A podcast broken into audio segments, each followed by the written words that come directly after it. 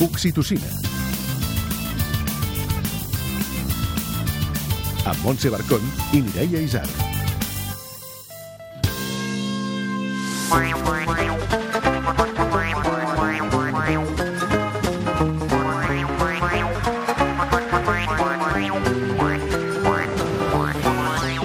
Quan éreu petits i us feia mal l'orella? Ai, sí! Era una punxada dolorosa, molt intensa, gairebé insuportable.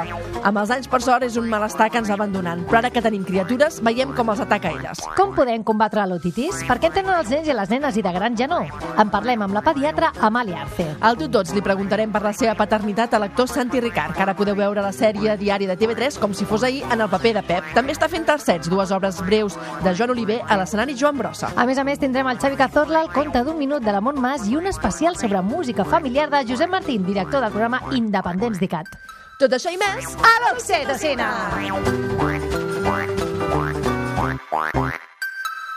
Tu, tots, tothom. Hola, sóc Santi Ricard, sóc actor i tinc una filla de 12 anys. Què no t'esperaves de la paternitat? Que no m'esperava i em va costar bastant d'assumir va ser sobretot al principi el paper insignificant del pare quan, quan arriba la criatura, que la criatura és que està amb la mare i llavors i tu has estat nou mesos allà acompanyant a la mare i esperes que quan sortirà la criatura estaràs, seràs una part important que, que sí que ho acaba sent però, però per la criatura no, per la criatura l'important és la mare i em va sorprendre molt, no m'esperava aquesta desaparició, no? pensava que seria una part més activa no? en aquest principi Explica'ns una anècdota. el dia que va néixer la meva filla jo tenia va néixer i jo me'n vaig anar a fer una funció de teatre a Girona vaig arribar allà molt just vaig tornar a l'hospital a dormir estava molt cansat perquè és clar després de tot el dia ac- acompanyant a la meva dona perquè tingués la criatura i llavors anar a fer la funció vull dir que és clar, són uns nervis i vaig arribar molt cansat i em vaig estirar al, al llit diguem per dir-ho d'una manera que era un sofà adaptat de l'hospital. Vaig quedar adormit però vaig quedar adormit de boca terrosa amb els braços a sota. De sobte la meva dona va tenir un les va posar a plorar, la, la nena era cesària, ella no es podia aixecar i em va demanar que m'aixequés per agafar la nena, però se m'havien dormit els braços. I no, no podia, no els podia moure, no, no podia fer res ni agafar res amb els braços completament dormits. I va ser una, una situació que cada cop que la recordem riem molt. Cangura, empresa especialitzada en portanadons ergonòmics, us ofereix Manual d'instruccions.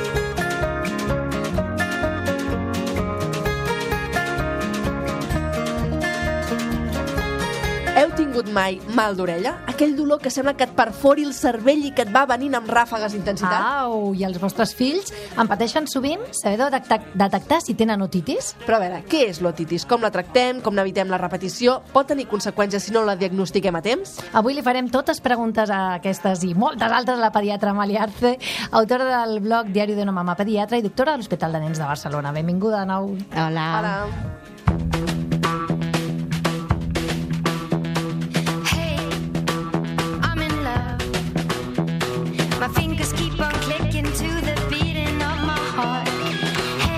A veure, comencem per l'ABC. Sí. Què, què és l'otitis i quins tipus hi ha? Perquè et diuen, no, esto es media, esto es no sé Sí. què. Sí. Otitis és una inflamació de la, del timpà, de dintre de l'orella, de la part de dintre, no?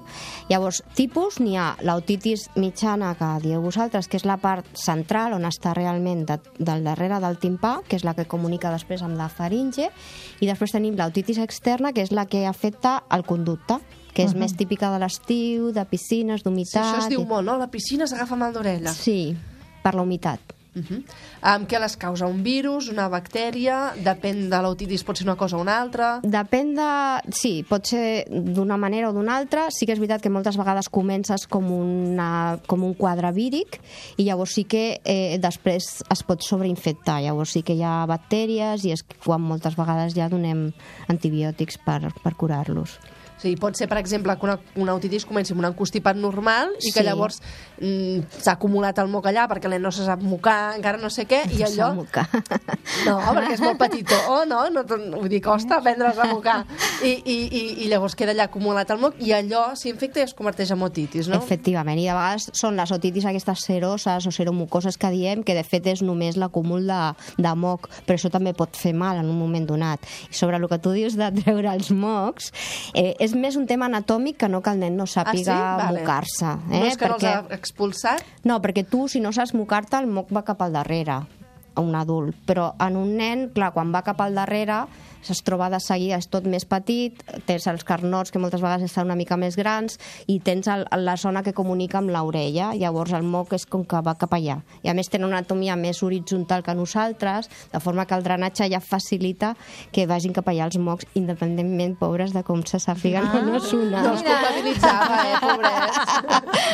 Jo, diga, jo tinc, la, tinc, la, sens- perdona, tinc la sensació que quan un nen té otitis és fàcil que després en tingui més i que, que, que, entri en un bucle. És, és així? Sí, sí que és així perquè com que hi ha aquest factor anatòmic que us comentava, doncs l'anatomia de cadascú és diferent. I sí que hi ha nens que tenen més predisposició perquè tenen carnors més grans o perquè tenen la zona més petita o després sí que és veritat que quan més refredats i més mocs tinguis, més probabilitat, no? I realment és una afectació bastant de nens, no? D'adults amb otitis. Per no, no- l'anatomia, per, perquè després aquest- madures i l'espai és diferent i també agafes menys infeccions, clar. Doncs ara que sabem més o menys què és, a veure si la sabem detectar. Don't tell me you're not at home, 'cause babe, I need your loving. Com podem sospitar que el nostre fill té otitis? Um, o no ho podem saber de cap manera i, i hem d'anar al pediatre? Com, quins símptomes dona? Sobretot si és un nen que no sap parlar, eh? perquè clar, si sap parlar segurament et pot dir mal d'orella. Clar, clar. Mm. El mal d'orella és, és el principal i després graus variables de febre. Quan més petit, més habitual que tinguin febre i sobretot el mal d'orella. El mal d'orella sí que és veritat que cadascú tenim el nostre llindar de dolor. Hi ha nens que, que no sembla que tinguin tant dolor, llavors amb la febre o amb determinades evolucions d'un quadre respiratori podria sospitar, però sobretot el mal d'orella. El mal d'orella en nen petit és un nen que xiscla i és molt típic de la nit, que estan dormint i no saps què passa i el nen xiscla i, i li mires l'orella i té una otitis. Mm? Però són petits, a vegades la febre és bastant sovint acompanyant. Eh? A vegades també pot ser que, eh, si és un nen que és lactant, eh, el mal d'orella faci que no mami, per exemple. Sí, que no, poden que rebutjar- També pot ser una pista. Sí, poden rebutjar una mica l'aliment, algun, perquè en el moment que tu en passes, com que tot això està comunicat, doncs et pot fer mal l'orella l'empassar, no? I llavors, eh, si anem al pediatre, el tractament quin serà habitualment? El tractament depèn, depèn perquè, o sigui, el que és més important i el que els pares poden fer a casa des del moment zero és donar tractament pel dolor que això és una cosa que sempre eh, a mi m'agrada remarcar-ho molt perquè amb els nens tendim a tractar molt la febre que ens fa molta por i en els nens tractar poc el dolor.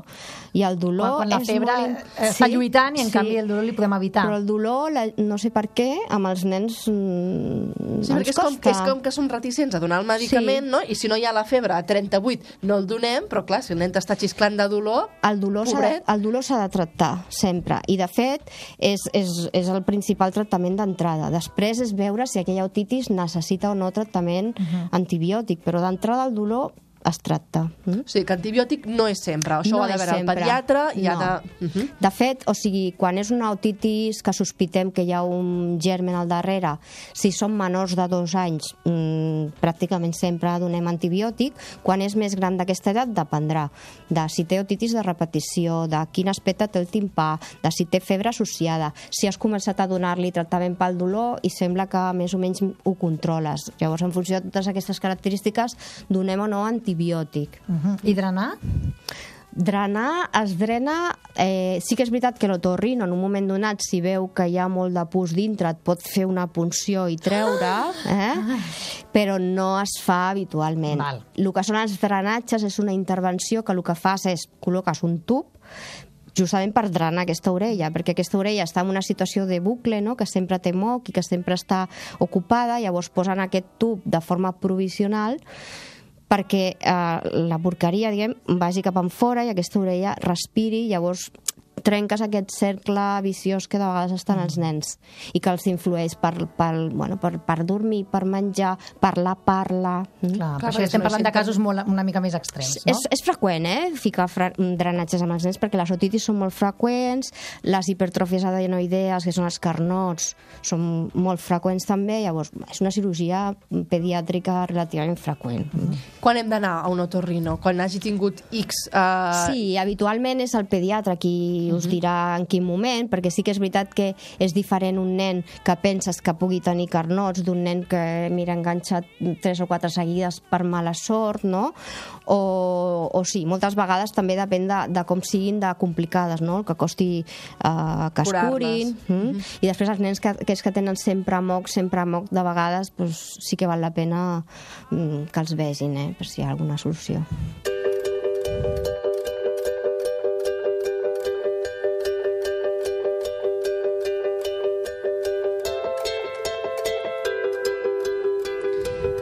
Vol dir que es perfora el timpà? Perquè això fa com molta... Sona- sona molt molt malament, bèstia, sí, sí. no?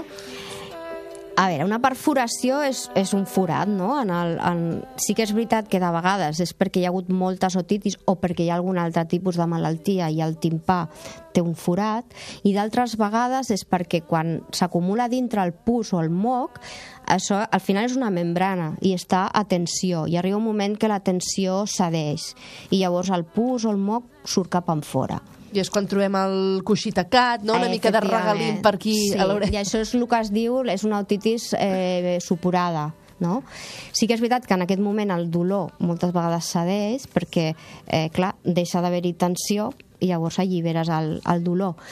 Ben bé no és una perforació, però o sigui, tècnicament, però a efectes pràctics sí que hi ha hagut una, un forat per on ha sortit allò, no?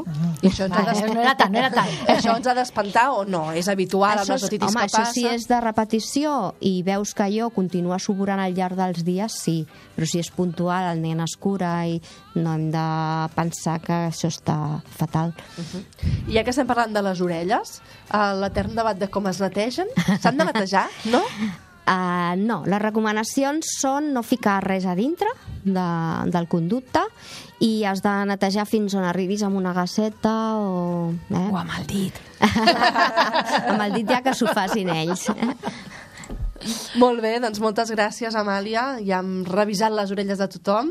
Et, et convidarem per algun altre itis. Molt bé. Un. Fins aviat. Adéu. Anar tot arreu amb els nadons i fills petits és una satisfacció. Però perquè tothom estigui content i segur, s'han de saber portar. Cangura és una empresa especialista en portanadons ergonòmics. Això vol dir que respecten la fisiologia de la criatura i la de la persona que la porta al coll. És important que les mares i els pares també coneguin els abrics de portament, assessoraments, formacions i tallers que solucionen el transport de cada dia i en diferents circumstàncies. Sempre és millor que els nadons estiguin ben a prop de la mare i del pare. I compartir l'experiència de portar-los a coll proporciona contacte, llibertat i, sobretot, felicitat. Més informació a cangura.com. La Coni. Avui us ajudaré a saber els remeis definitius per acabar amb l'otitis. Com? Buscant remeis casolans o fotos d'orelles suporant sang i pus? No, molt millor i més efectiu. Buscant testimonis reals dels foros d'internet. Opa! Per exemple aquest, el títol del fil és molt clar. Diu, tengo otitis y me quiere arrancar la oreja. Crec que el títol no dona lloc a confusions. La pobra usuària que posa Foro Cotxes comença a rebre respostes reals del tipus Anda i calla, Van Gogh de pacotilla. Molt bé, comencem bé. Després hi ha els amables usuaris que t'intenten trolejar obviant que tens una otitis de cavall, com per exemple Pues yo tengo cera para entretenerte. O el típic gracioset que respon a la pregunta de l'otitis dient ¿Qué? No te oigo. No oigo nada. Totes les respostes són així. Hi ha gent que realment intenta ajudar-te. Per exemple, aquest usuari que dona una resposta per l'esperança. Diu, desearás estar muerto para acabar con semejante tortura. Després hi ha un altre grup de gent, i és que a la vida real sempre trobes a la família o al grup d'amics algú que és més fort que ningú, el que més ha patit, el que menys es queixa i els més tot de tot. És aquella persona del doncs més, acostuma a ser un cunyat o un cosí, gilipolles, que tu hi vas i li dius, hosti, uf, l'otitis tela, eh? I ell et mira amb aquella superioritat i diu, otitis? Això no és res, mira, jo n'he tingut 10, eh? I aquí estic, mira'm, i sento perfectament, no vaig faltar ni la feina. Me da rabia y muy rabia. Doncs a internet també existeix aquest tipus de persona, eh? Missatge de resposta al nostre estimat fòrum. He padecido otitis aguda de repetición durante muchos años y no es nada, nenaza. I ho posa en majúscules, com dient, va, fota't. Després sempre hi ha l'hipocondria, que tots també coneixem algú, que en aquest cas diu, avisad, por favor, cabrones, que mañana me voy a la piscina y ya veréis, no me meteré en el agua por vuestra culpa. Gracias por joderme el día. Muchísimas gracias a todos. Això us podeu fer una idea de que l'otitis és una cosa molt dolorosa. Imagineu-vos a sobre en una pobra criatura de mesos que no sap dir-te què li passa i només plora desconsoladament com un policia nacional que acaba de relliscar per culpa d'un rajolinet de Fairy. A ver, vamos a ver. Estamos otra vez con la valoración jurídica. I clar, pots fer vida normal amb una otitis? Doncs tornem al foro. Hi ha una entrada que diu ¿Sabéis si se puede volar en avión con una otitis? Resposta. Yo he viajado con otitis, me fui bien. Perdí 30% de mi capacidad auditiva. Dius, home, molt bé, gràcies. 30% de capacitat auditiva, tela, eh? Té molt menys risc viatjar amb un cotxe d'Uber amb un taxista dins i anar-se pagant ells a 220 per l'autopista que no pas agafar un avió amb otitis. O un altre missatge que diu, no, hombre, no, no deberías tener problemas para volar con otitis, aunque compañías como Ryanair igual te hacen facturar la otitis. Eso es verdad.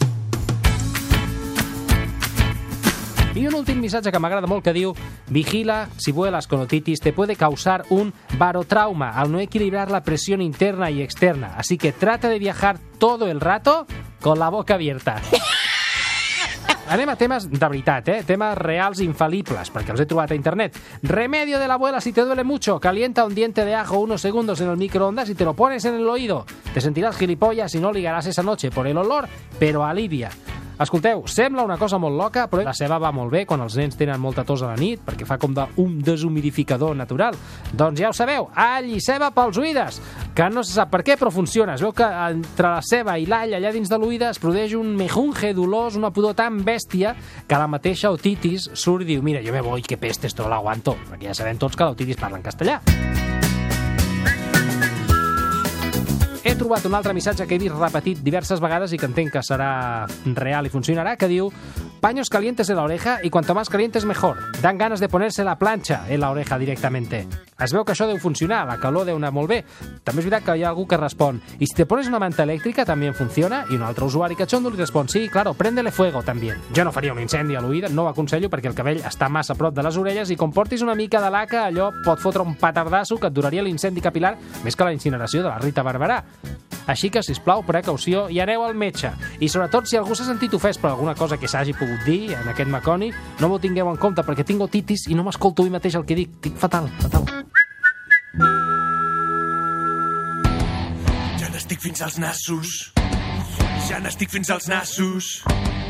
Ja n'estic fins als nassos. Ja n'estic fins als nassos.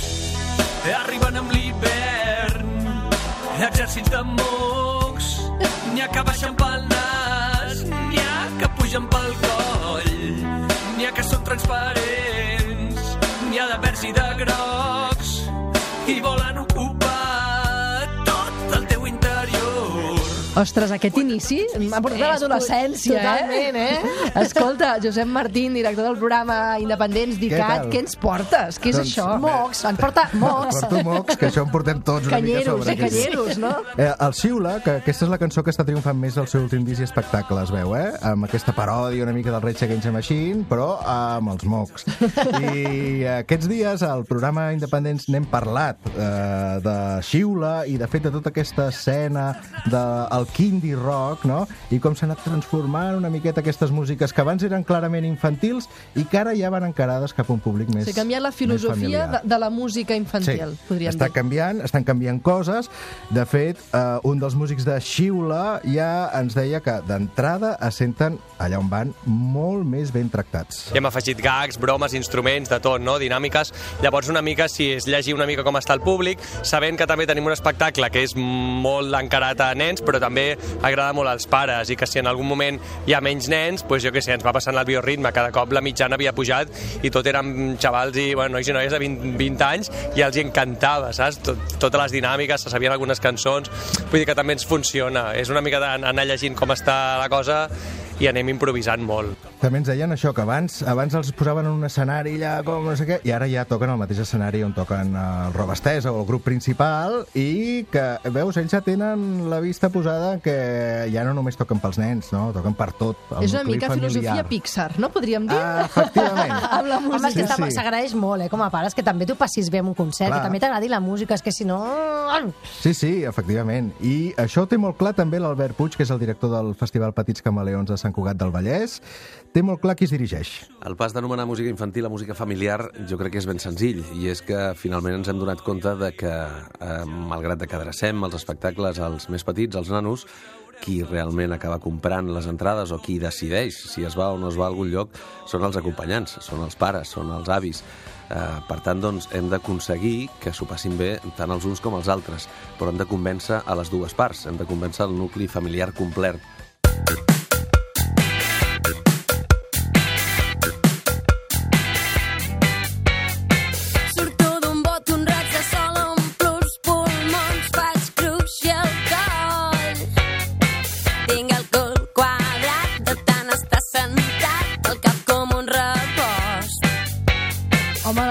Sonoritat també és molt diferent. Ah, estem els- estem els tres movent el cap, pam, pam, pam. Jo sóc de Xesco Boix, de la vida a casa meva havia sonat, però, i, i que em tinc molt carinyo, però clar, no té res a veure. això. No, no és incompatible una cosa No, amb l'altra, home, pots no. anar jugant, no? Però el cas és que, vaja, està tothom d'acord, que hem d'anar dirigits, que han d'anar han d'anar dirigits no només als nens, sinó als pares, les mares, el nucli familiar al seu conjunt.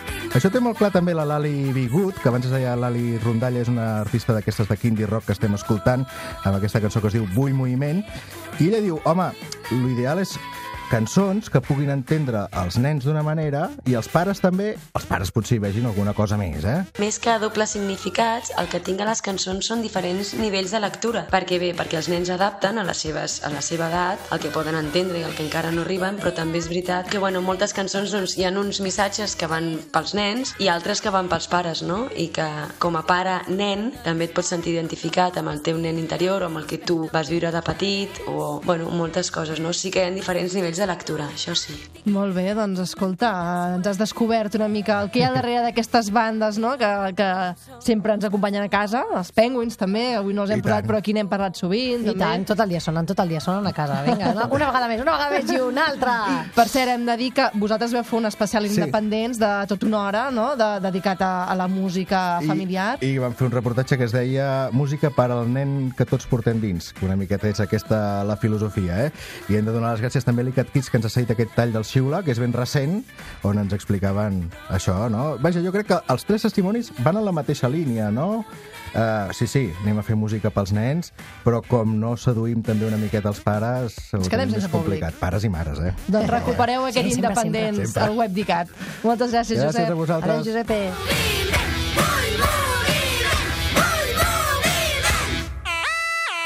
Whatsapps desesperats.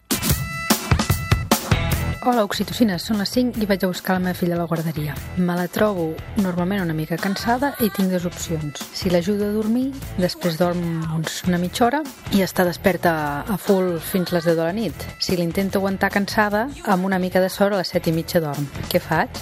Podeu enviar els vostres missatges de veu de WhatsApp al 636 36 06 09. You work it out. Contes d'un minut. Assegut a la platja, en Miquelet plorava. Vull un cavallet de mar, vull un cavallet de mar. Un peix espasa que va sentir-ho li va donar molta pena i va pensar que ell no sabia on hi havia un cavallet de mar, però que potser el pop ho sabia. I li van a dir, en Miquel vol un cavallet de mar. Ah, jo no en tinc ni idea on són els cavallets de mar. Vull un cavallet de mar, vull un cavallet de mar però el que ho sabia i també ho va sentir. Va anar a buscar el cavallet de mar i li va explicar. I el cavallet de mar es va apropar a la vora de la platja. Vull un cavallet de mar, vull un cavallet de mar, plorava en Martí. Va plorar tant, tant, tant, tant, que no va veure el cavallet de mar. I ell es va cansar i se'n va anar al fons del mar. Aquest conte és de Ricardo Alcántara.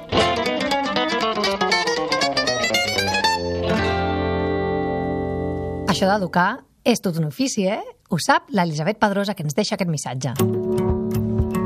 Aquest Aquesta setmana a l'Ofici d'Educar hem escoltat dos casos d'èxit, Cardedeu i el Prat. La Mariona Graner, mare i membre de la plataforma A Cardedeu en volem 10, ens ha explicat per on hem de començar si volem que l'educació sigui un dels pilars del nostre municipi. Com a mare penso que és veritat que seria una bona idea començar per les escoles, que és evidentment els centres, els, els espais educatius per excel·lència, però el que és cert i una mica el que estem intentant fer a Cardedeu des del Pla Educatiu d'Entorn és adonar-nos o fer que tot el poble se n'adoni que tots eduquem i no només eduquen a les escoles, evidentment el primer espai educatiu per als infants sempre és la família, i a part d'aquí totes les entitats, les associacions, els comerços, els espais del poble eduquen els nostres infants. Si podem con- confegir projectes que ens fagin treballar junts i en xarxa, això farà avançar un entorn educatiu.